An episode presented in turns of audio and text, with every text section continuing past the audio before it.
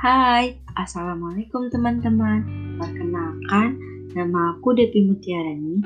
Aku salah satu mahasiswi Universitas Pendidikan Indonesia, Kampus Tasikmalaya. Nah, di podcast pertama aku, aku akan membahas perihal sampah.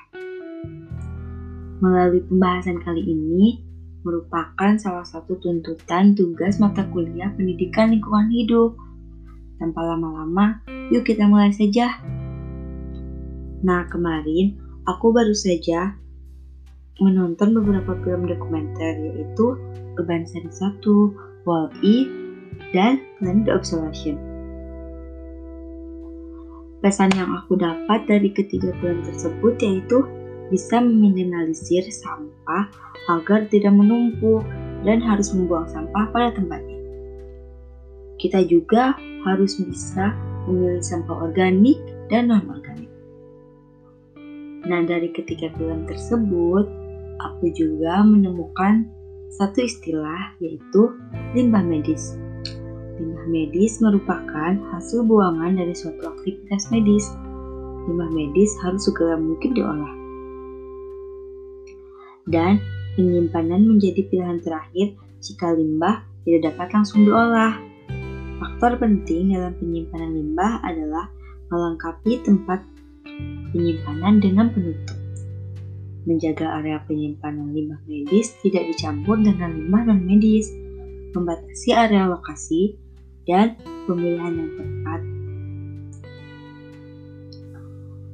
Sedangkan menurut Environmental Protection Agency, limbah medis adalah sebuah bahan buangan yang dihasilkan dari fasilitas pelayanan medis seperti rumah sakit, klinik, bank darah, praktek dokter gigi, klinik hewan, dan fasilitas penelitian medis dan laboratorium. Nah, manusia dan alam bergantung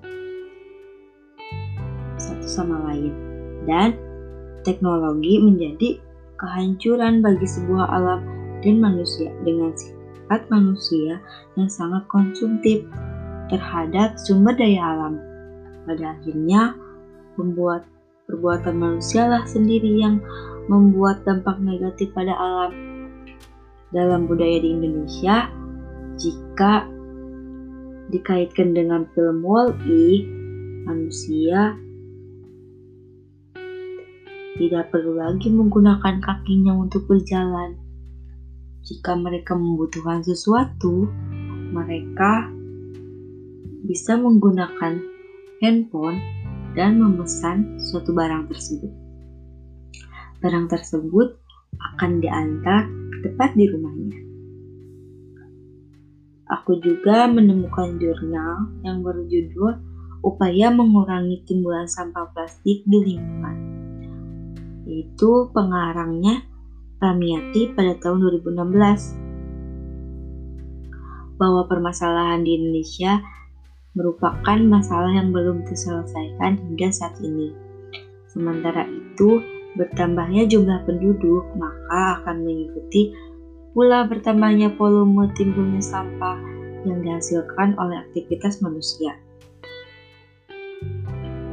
Permasalahan sampah plastik Apabila semakin banyak jumlahnya di lingkungan, maka akan berpotensi mencemari lingkungan.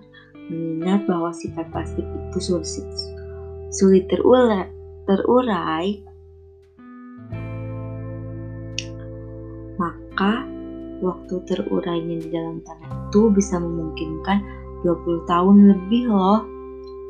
Bahkan ada juga yang berpendapat sampai ratusan tahun dan akan menghambat kesuburan tanah.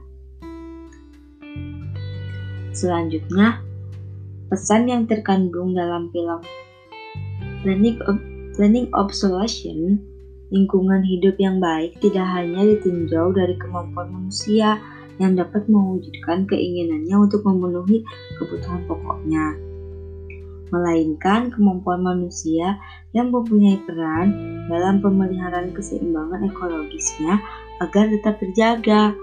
Setiap rumah pasti memiliki barang elektronik kan? Ada yang bisa dibawa ke mana-mana, seperti contohnya HP, dan ada juga yang disimpan sebagai riasan dan pengisi rumah, seperti TV, mesin cuci, kulkas, dan lain-lain. Ketika barang-barang mengalami rusak dan tidak bisa diperbaiki, apa yang biasa kalian lakukan?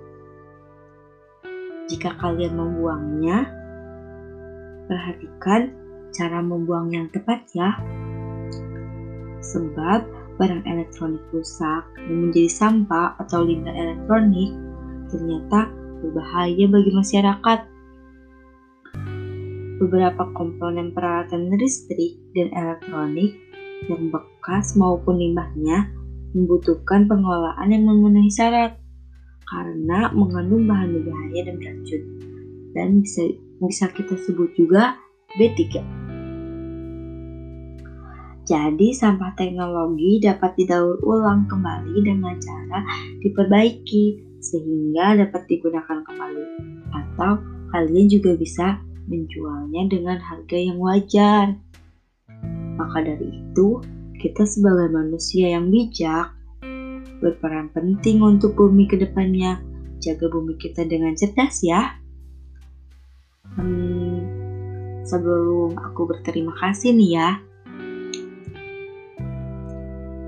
Aku memohon maaf jika ada tutur kata yang kurang berkenan.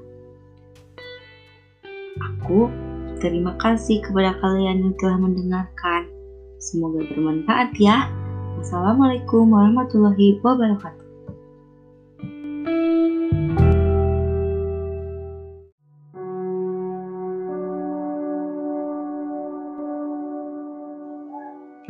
Hai, kembali lagi bersama aku Devi Mutiarani. Di sini aku akan berbincang-bincang mengenai lingkungan lagi nih teman-teman. Tetapi sekarang lebih menarik karena ada bintang tamu yaitu ada Ehan. Hai, nama aku Ehan, umurku 8 tahun. Nah, di sini aku bersama Ehan. Ehan ini salah satu SD di Kabupaten Ciamis. Langsung saja ke pembahasan pertama ya, yaitu tentang sampah. Nah, setelah kita jalan-jalan melihat lingkungan, ternyata lumayan banyak ya sampah yang berserakan di jalan.